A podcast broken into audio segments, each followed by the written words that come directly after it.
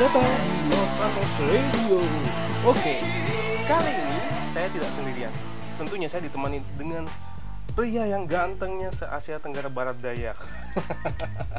Oke, dengan siapakah dia? Halo Mas Adit. Halo, Za. Gimana kabar? Aduh, kok lemas banget nih. Baik, baik, baik, baik. Kok lemas banget ini, Mas? Wah, maklum gak. Stay at home, stay eh, nggak boleh ke mana-mana, harus jaga kesehatan. Lemes dikit, kebanyakan olahraga di dalam rumah. Waduh, olahraga apa itu? Wah, ngomongin soal olahraga nih, Mas. Kita kayaknya asik nih kalau bahas olahraga yang lagi hype akhir-akhir ini. Kira-kira olahraga apa ya, Mas? Ini mau bahas sepeda. Ayo aja lah. Oh, boleh banget itu sepeda. Ngomong-ngomong soal sepeda, inget banget nih waktu intronya GTA San Andreas. Inget nggak mas waktu Carl Johnson itu naik sepeda?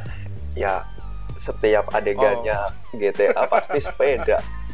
Terus sekarang kita juga main sepeda lagi. Mau ngobrolin sepeda nih. Aduh, Carl Johnson naik sepeda. Itu jenis sepedanya apa ya mas? Kalau nggak salah BMX ya? Iya, BMX. Lo masih apa sepeda ini yang terakhir lo pakai? Masa? Yang gue pakai sepeda sepeda motor mas.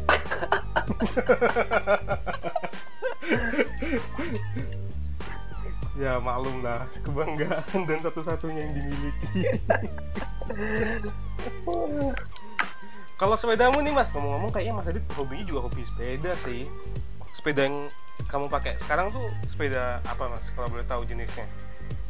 Aku baru beli sepeda itu tahun 2018 bulan Maret eh April Maret atau April itu aku beli road Hmm. bike aku beli road Oh. bike. Ya nggak yang terlalu mahal ya yang standar lah yang cukup untuk ini cukup untuk latihan. Itu pun karena aku penasaran aja sih gimana sih sepedaan itu gitu sebenarnya. Itu Hmm. masih termasuk newbie sih kalau dibilang. Newbie. Oke newbie ya. Newbie dong. Baru berapa tahun nih? Dua tahun. nih ngomong-ngomong nih soal sepeda. Ah, kan aku nggak punya sepeda nih jadi aku nggak bisa berbagi cerita dong. Waktu mungkin aku berbagi cerita kisah-kisah lampau lah. Nanti sebelum menuju ke kisah lampau ngomong-ngomong nih kan sekarang Mas Adi punya sepeda road bike lagi. Yang Mm. notabene itu kayaknya sepeda jenis balap ya Mas kalau Yep. salah. betul. Uh sepeda balap. Nah sejauh mana Mas pernah menempuh dengan sepeda kesayangan itu? Sejauh jaraknya seberapa jauh? sejauh mana yang paling jauh ya yang paling jauh itu Jakarta Semarang Bro. Wah anjay, Jakarta Semarang naik sepeda. Berapa hari itu mas? itu inget banget itu aku tanggalnya ja, eh, Juni tanggal 1 Juni 2019 aku tempuh Wih, Jakarta. Semarang itu tiga hari Tiga hari. hmm, tiga hari Wow, tiga hari. Itu tidur di jalan mas? Nah, kalau itu awalnya, awalnya tuh pengennya tidur di SPBU atau di mungkin ada rest area gitu ya. Tapi setelah aku Hmm. pikir-pikir, setelah persiapan, persiapan aku tiga bulan, 4 bulan, aku akhirnya memutuskan eh, setiap 180 sampai 200 kilo aku berhenti di satu kota, aku nginep di hotel, di mana Mhm. Harga hotel ketika lebaran kan tahu sendiri ya kayak gimana dan Mm-mm. cari hotel di daerah kan nggak semudah cari hotel di Jakarta Mhm. itu kalau dihitung sebenarnya bisa dapat tiket pesawat.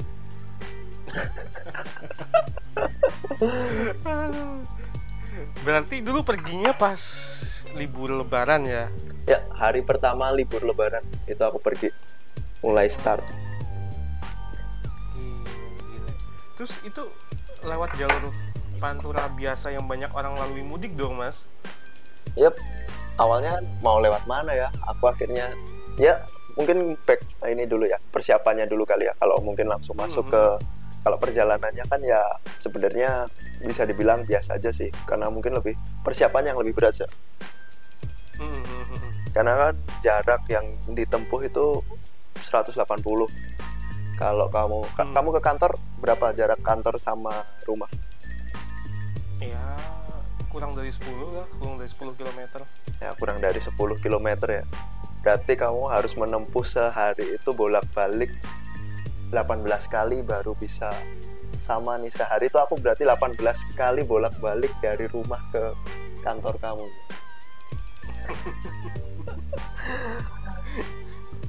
persiapan 4 Iya, iya, bulan. iya. persiapan itu aku 4 bulan. Persiapan 4 Terus bulan. empat bulan lama banget. Ya soalnya jaraknya juga nggak main-main. Hmm. aku Berarti kalau sampai Cirebon persiapannya cuma dua bulan gitu? Ya kalau sampai Cirebon lah persiapan 1-2 bulan cukup lah. Oh iya iya iya. Persiapannya tuh gini. Kalau di mungkin ini ya mungkin agak teknis ya.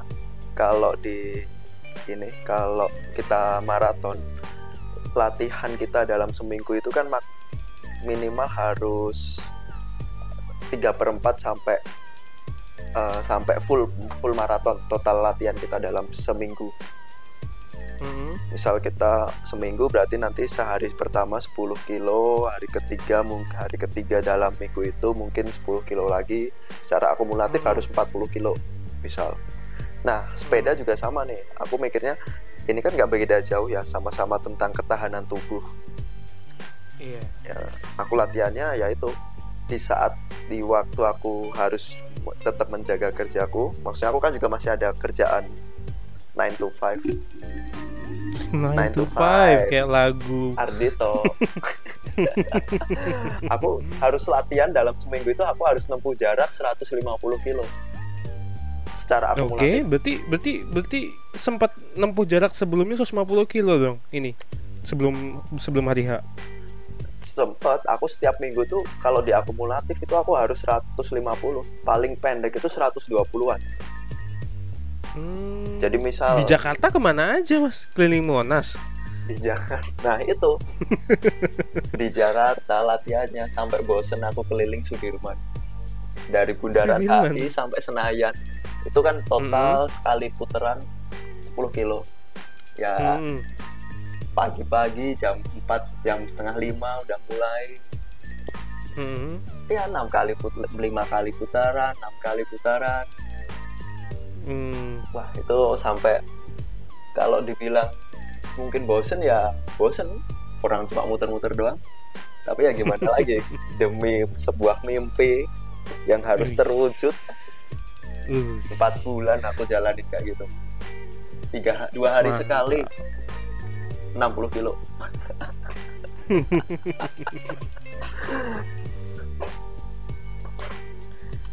ngeri juga sih persiapannya ya. Nggak main-main ternyata emang sudah dipersiapkan dengan matang.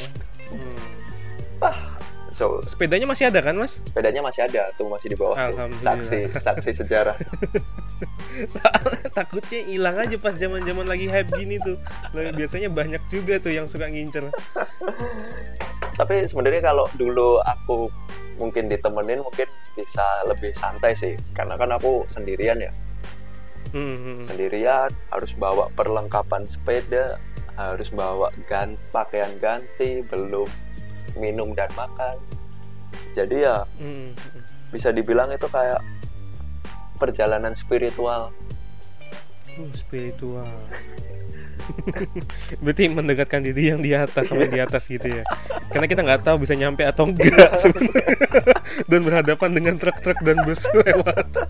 Itu spiritual bener-bener sih. oke kita jam ke hari hanya kita, aku berangkat ya Hmm, hari-hari. hari hari bayanganku nih Pantura itu bakal rame banyak bis banyak truk atau mungkin banyak Hmm. motor pemudik Ah, ternyata banyak apa mas? Banyak biduan. nah biduan itu nanti kalau udah masuk ke ini nih perbatasan Jawa Barat Jawa Tengah nih banyak biduan itu Kan Pantura itu. Oke oke.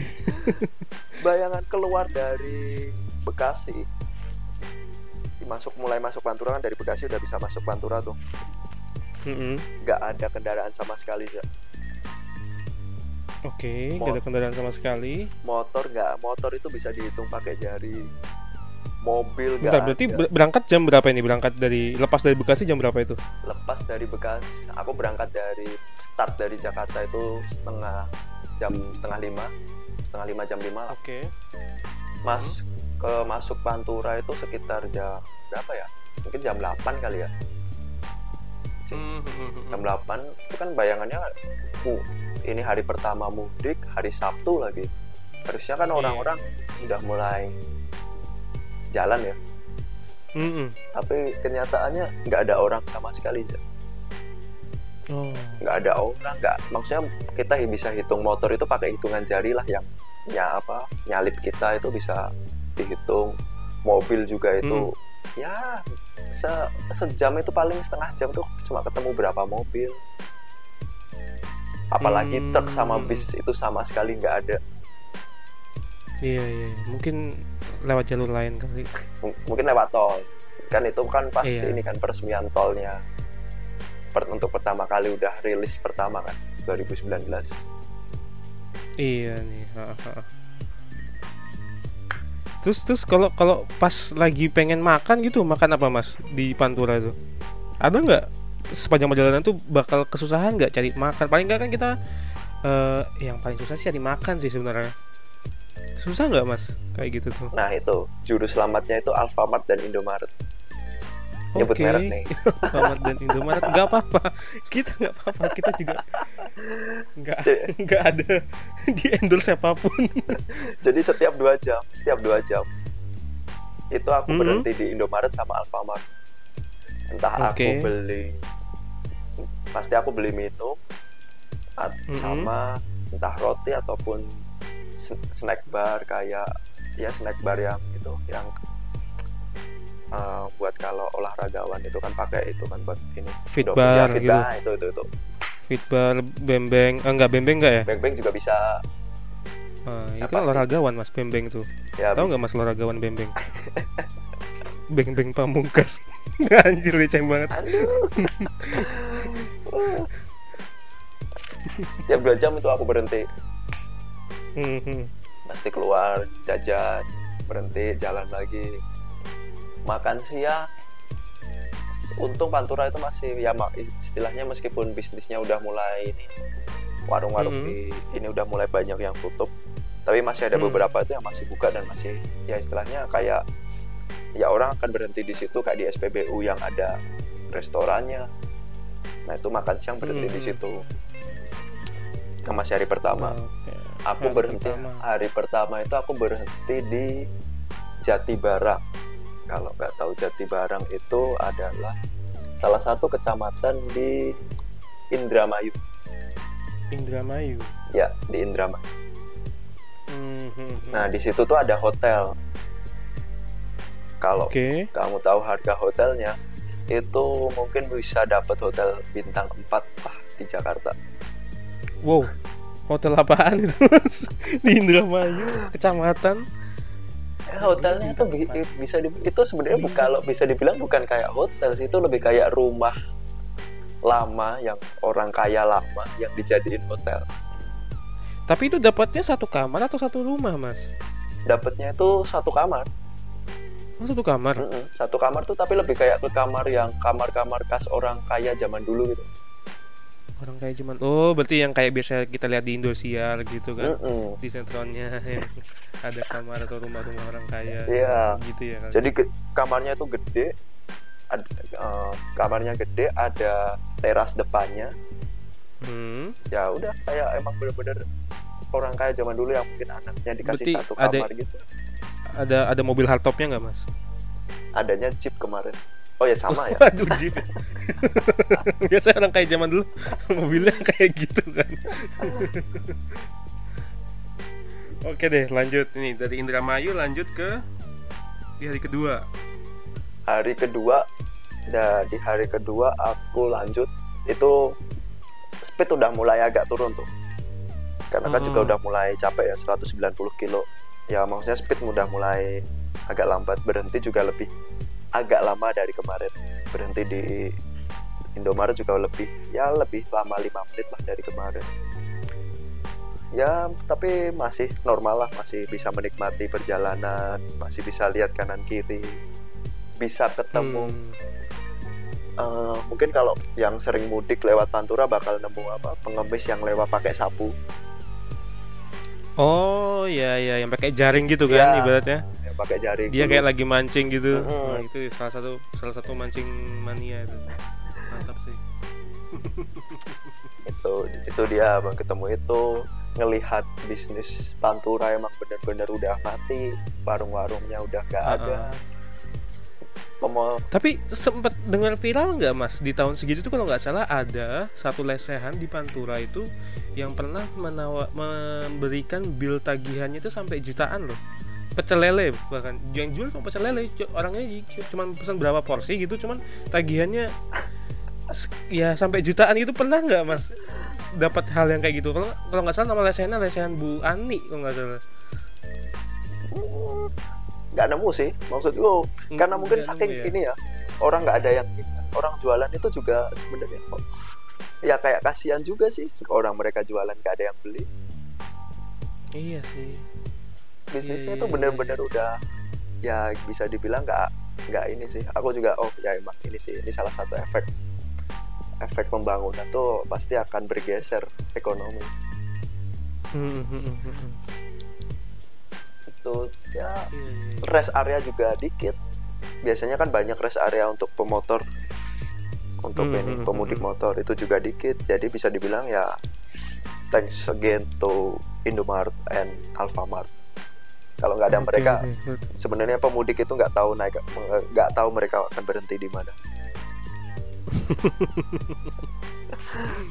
Padahal, padahal banyak loh ini apa warung-warung kecil kelontong kok mas pilihnya Indomaret dan Alfamart nggak ya itu yang paling mudah dijangkau yang paling jelas dan yang pasti dingin ada AC-nya waduh iya iya iya iya.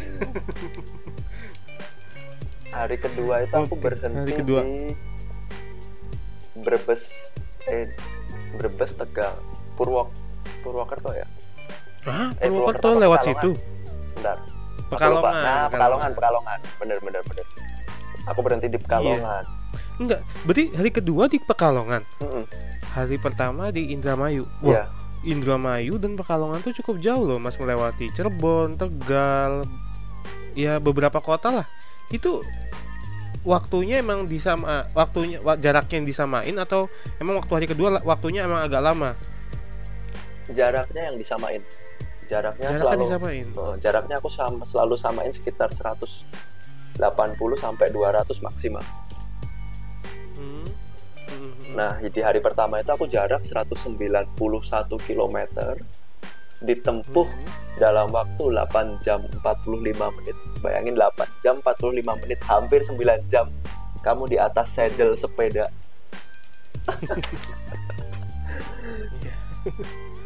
Di hari kedua jaraknya itu sebenarnya lebih pendek, 187 km. Oh oke. Tapi waktu yang aku tempuh itu lebih lama 8 jam 48 menit. Tapi bukannya di a- daerah situ terlepas dari Batang ke Pekalongan itu bukannya emang medannya agak berat ya mas di situ? Eh, medannya tuh yang hari kedua belum terlalu berat dia. Yang melewati alas apa? Alas roban atau alas apa ya itu? Oh itu itu situ nanti ada. itu nanti pas mau masuk Semarang itu oh oke sebelum masuk Kendal ya, Ya. berarti.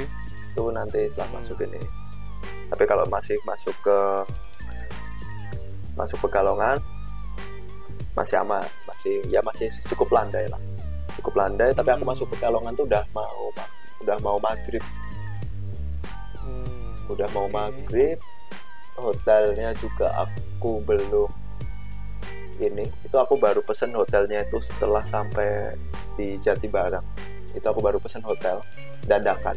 Hmm. hotelnya sih apa? Eh, Novotel ya? Tapi Wah, ini di Pekalongan? Ya yang di Pekalongan tuh hotel Novotel emang ada Novotel di eh sana? makanya aku juga kaget kenapa ada ini? Itu Novotelnya E nya tiga kali. Coba ya aku cek dulu ya nama hotelnya di Pekalongan itu apa ya aku pesen. Itu Novotel Eh, E nya tiga kali mas. hotel Sahid oh Sahid. Ya Sahid. D nya tiga. Sayangnya D-nya satu doang nih. Ini sahid-sahid yang cukup famous kan kalau di daerah-daerah Jawa Tengah kan iya cukup biasanya famous. di kota-kota besar sih Sahid Ya, itu. bayanganku juga bakal wow gitu. Ternyata Hmm. ini malah lebih random daripada hotel yang di Jati Barang itu. Di Indramayu lebih Kenapa better. Eh, kalau di sini apa mas? ini hotelnya udah kayak nggak terawat. Gelap. Ya maksudku bukan no ini ya tapi faktanya emang kayak gitu ya bang agak gelap ininya juga menurutku kurang bersih tapi sebenarnya cukup layak cukup bagus sih. Gedungnya cukup bagus cuma mungkin karena udah terlalu lama ya dan mungkin banyak persaingan. Jadi Hmm. agak kurang. Maintenance-nya maintenance-nya itu kurang oke lah menurutku. Oh. Meski- itu tarifnya tarifnya lebih mahal mana sama yang di Jati Barang selisihnya dikit nggak nyampe 100 ribu selisihnya hampir 11-12 lah untuk tarifnya Oke deh, kalau gitu lanjut nih di hari berikutnya nih mas. Hari terakhir ya berarti. hari ya? Tiga hari kan tadi ya. ya tiga hari Mm-mm. hari terakhir biasa langsung awalnya tuh mau sampai Solo nih mimpinya tuh Hmm. sampai Solo tapi ternyata Mimpinya sampai Solo. Aku tidak kuat sampai Solo Kenapa tuh? karena baru sampai Semarang aja tuh udah naik turun tuh jalanan Hmm. Hmm, hmm. itu aja udah rasanya udah ini aku ngap di otakku tuh ngapain aku susah-susah sepedaan jauh ini mendingan naik ya nggak apa-apa pesawat sih, langsung ini nggak apa-apa kan semua orang punya mimpi mas. Termasuk ya saya juga punya mimpi sih mas untuk tidak menaiki pesawat ketika mengelilingi Jawa tidak men- menaiki pesawat juga punya mimpi itu, cuman ya belum terrealisasi aja. Tapi anyway, waktu sampai Semarang itu eh langsung ke Solo kah naik transportasi lain atau sempat menginap juga untuk istirahat dulu sehari? aku istirahat doang istirahat ya sampai sore lah soalnya aku Oh, oke. langsung pesen tiket kereta untuk ke Solo Kereta, sepedanya taruh mana? nah sepedanya aku titipin di ini ada teman kantor aku titipin di teman kantor Oh. Oke. bingung kan apa awalnya ini sepeda gimana ya aku mau masukin kereta api nggak bisa Hmm. aku mau kirim langsung balik ke Jakarta paketan untuk kargonya udah tutup Iya, pastinya. ya kan? Aku mikir di stasiun Tawang tuh aku ke mana ya aku ya? Terus baru Hmm. ingat oh ada temen nih di Semarang. Aku call aku minta izin dia. Boleh nggak aku titip sepeda? Nanti aku ambil lah setelah selesai lebaran. Hmm. ya untungnya dia mau. Oke, nggak nggak bertarif kan? nah untung nggak ditarif. Kalau coba kalau ditarif tambah rugi bandar ini bisa beli tiket Garuda yang first class ini Waduh. Lebaran first class. nggak kebayang harganya. ya itu udah sepeda aku titipin aku pulang naik ini nggak nggak kerasa capek Cak. di tiga hari itu aku nggak ada maksudnya capeknya itu masih capek normal badan masih seger aku Paling di capek Semarang, normal aku di masih awal. bisa main ke Iya. Paragon Mall aku masih bisa beli pakaian dulu untuk pulang aku masih bisa nggak ada Hmm. capeknya Cak. tapi Hmm. begitu hari begitu aku nyampe Solo aku nyampe Solo malam istirahat Hmm. bangun paginya badan rasanya Stroke. hancur semua Oh. Kira paginya udah stroke. Tapi emang gitu sih Itu. mas Biasanya tubuh kita tuh kalau ngerasa udah pulang tuh rasanya tuh Entah awalnya tuh sehat-sehat aja. Sampai rumah tuh kayak rasa manja banget tubuh itu. Pengennya Iya, ya, udah mungkin, mungkin. Namanya juga rumah. Mungkin mungkin. Mau Sugesti kali ya itu mau ke mana mana mau bergerak aja udah males banget rasanya tuh hmm. aduh itu parah banget itu. Tuh sampai berendam air es. Baru Hmm. dua hari kemudian tuh aku baru pulih lagi. Oke. Itu Overall nih mas jauh. Kalau boleh kalau boleh tahu nih Angka yang dihabiskan. Angka nominal duit loh maksudnya. Sekitar berapa nih mas Selama perjalanan itu? Ya semua lah kalau dihitung-hitung. Nih hari per ya udah bisa mungkin hari pertama hotel itu 400 lah 400 anggaplah 400 ya. Berarti dua kali hotel 800 Mm-mm. sekali jajan itu aku 20 sampai 30 ribu.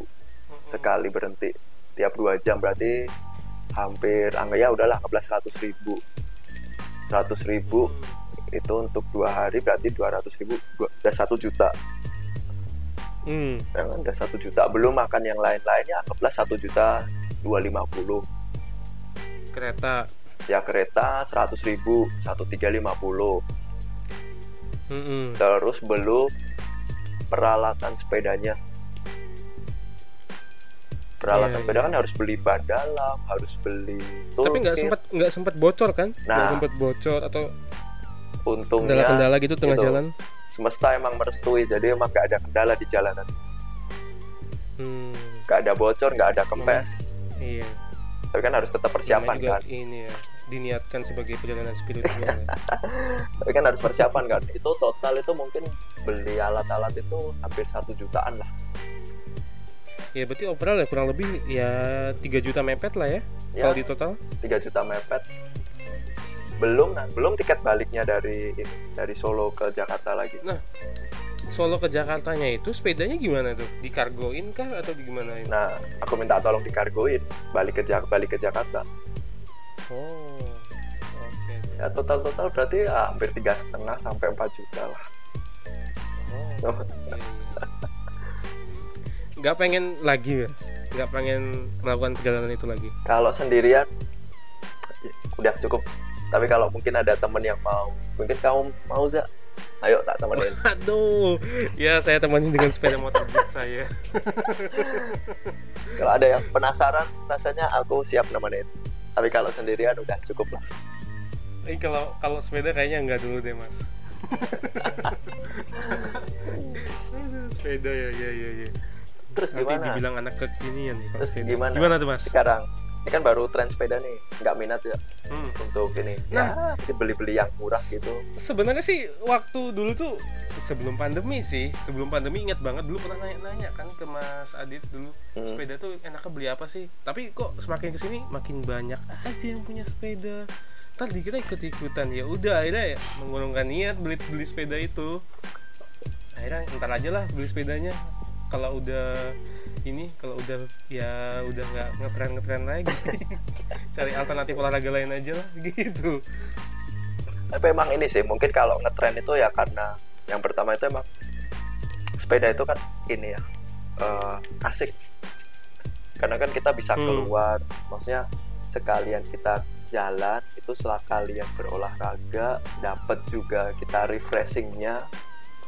Yes betul. Ya kan? Jadi mungkin karena ini Iya. baru orang-orang masih habis ya habis ada pembatasan sosial berskala besar habis ini. Hmm. dan mungkin juga sebagai salah satu cara mereka menjaga kebugaran tubuh karena kan pasti kan banyak diam di rumah kan bingung juga ya. Pasti kan badan udah ya mungkin yang berat jadi nambah akhirnya kan sepeda jadi opsi untuk berolahraga untuk berkeliling. Cuci mata kayak gitu Oh, iya iya iya benar. Ngomong-ngomong soal sepeda nih mas, sepeda pertamamu dulu apa mas? Kalau boleh tahu, paling pertama yang dibelikan orang tua itu apa? Wim Cycle roda anjir. masih inget cycle ya apa itu ininya Eh, yang heboh. nah itu itu itu itu itu dia itu dia ininya jargonnya Iya iya iya iya, game cycle ya. itu Wim Cycle beli pertama kali itu Berarti nggak sempat ngerasain sepeda yang ini dong, sepeda apa? Family family itu. Enggak, belum, enggak, enggak, enggak. Aku enggak tahu rasanya naik sepeda yang family yang ada Itu bunyinya sepeda itu kan. family itu sebenarnya sepeda family itu sepeda yang sebenarnya ya autopilot sebenarnya kita nggak ngendarain yang ngendarain yang megangin di atas di belakang. iya ya itu Itu. sebelum ditemukan mobil Tesla pun sepeda family itu udah menerapkan autopilot loh. Kita nggak nyetir setir aja udah nyetir sendiri itu sepeda. Ya bisa, bisa, bisa. Iya iya iya. Dulu tuh merek sepeda tuh banyak sih sebenarnya. Ada Wim Cycle, Mili, Polygon, sama United Bike. United Bike itu ada tuh United Bike. Brompton jangan lupa. Terus, eh Brompton emang dari zaman dulu ya? saya belum tahu tuh mas. Udah lama sih, cuma kan baru hype aja kan. Ya mungkin tiga bulan, empat bulan ini kan. Iya udah. Ya semenjak inilah semenjak yang kapan hari pernah masuk ya di berita yang soal Garuda itu itu baru tahu sih ada merek Brompton Brompton yang cukup mahal itu. ya fun fact aja nih ya pegawai Brompton itu pegawainya Hmm. untuk ini ya head mulai dari head office sampai yang terakhir itu cuma 315 orang Hmm, terus itu naik naik ke kerja kerjanya naik sepeda mas dia ya enggak. Ya gimana? Ya dia orang bikin sepeda. Kalau dia nggak naik sepeda bisa dihujat sama orang seindo sedunia dong. Sepeda yang dipakai apa? Poligon Iya jangan-jangan mereka dia nggak pakai Brompton tapi pakai sepeda-sepeda ini. Sepeda apa? Kalau yang sepeda kebo yang gasel-gasel yang kalau zaman dulu. Zaman sepeda perjuangan itu? Ya sepe- sepeda nenek moyang kita. Sepeda kakek nenek Oh. kita Oh, tapi nenek moyangku nggak sepeda mas. Dia pelaut. Ya ya. Kita beda nenek moyang berarti. Ada lagunya nenek moyangku seorang pelaut. Nggak ada. Nenek moyangku seorang pesepeda. Sepedanya Brompton. Nggak ada.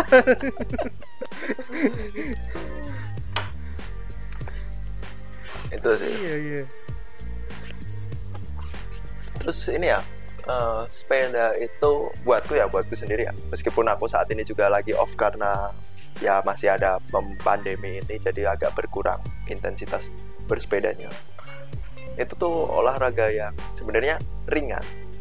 Kalau kita Hmm, tahu ininya tahu cara penggunaannya itu sebenarnya olahraganya itu nggak berat. Nggak kayak lari yang ada banyak efek Iya. ke ini ke lutut ke sendi-sendi itu sebenarnya ada banyak efek negatifnya kalau kita berlebihan kalau sepeda itu sebenarnya sangat-sangat ringan. Eh, Hmm, iya sih. tahu berita nggak yang ada sepeda apa tem- yang meninggal gara-gara naik sepeda akhir-akhir ini?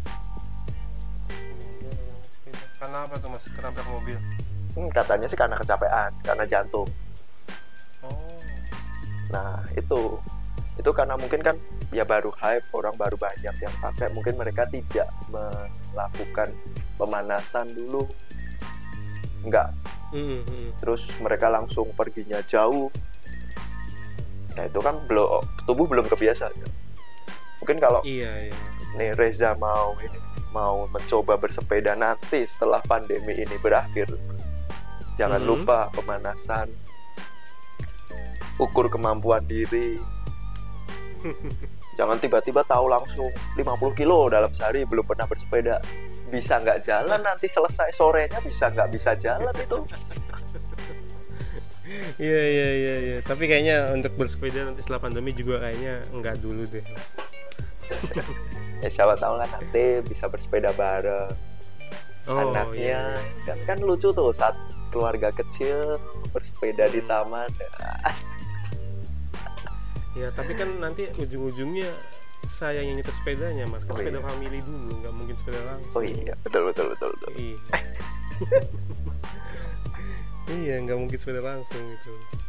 Hmm, bicara soal sepeda nih. Banyak sih sebenarnya yang bisa diulik dari sepeda nih. Apa apalagi yang mau ditahu dari sepeda ini gimana? Tapi sepeda itu sebenarnya itu kan efek ke tubuh itu dia bukan yang mengecilkan perut enggak. Itu efek kecilnya mungkin. Efek paling besarnya infonya itu hanya memperkencang bagian kaki terutama di bagian paha ya. Perasaan aku udah sepeda hampir 2 tahunan pahaku nggak kenceng-kenceng deh jadinya. Kakiku juga nggak ini maksudnya juga katanya kalau nggak paha betis gitu kalau nah salah. apalagi betisku betisku kenapa nggak bentuk-bentuk ya? Bayanganku nanti bakal jadi kayak pesepeda itu yang betisnya bakal kotak-kotak gitu. Ternyata sampai sekarang enggak apa latihanku yang Bentar, bentar. ini kurang keras betis betis kotak-kotak tuh gimana maksudnya kalau kotak-kotak iya lah betis kotak-kotak gimana maksudnya mas kan betis kayak bukit habis gitu bentuknya ngelengkung Iya, tapi kan kalau pas sepeda itu kan kelihatan kenceng gitu kan. Or atlet-atlet Iya, pesepeda kenceng. kelihatan kenceng. Kalau aku lihat tempatku kayak oh, bukan olahragawan sebenarnya. Aku bisa menyamar ya. nyamar jadi apa jual kopi Jual kopi. Jual kopi keliling. itu jangan salah itu dia 9 to 5 juga loh mas naik sepeda Wah, itu itu malah salut aku. iya Mereka- dan dan kalau dilihat pun ya kalau di Jakarta yang up yang patuh dengan jalan sepeda ya salah satunya itu mas Oh, pastinya mereka mah luar biasa. Naik sepeda, depannya ada isinya, belakangnya Hmm. ada isinya. Air panas pula air seimbang pula.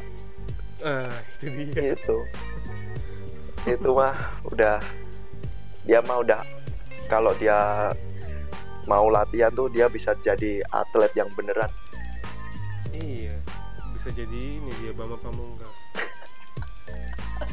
Apa hubungannya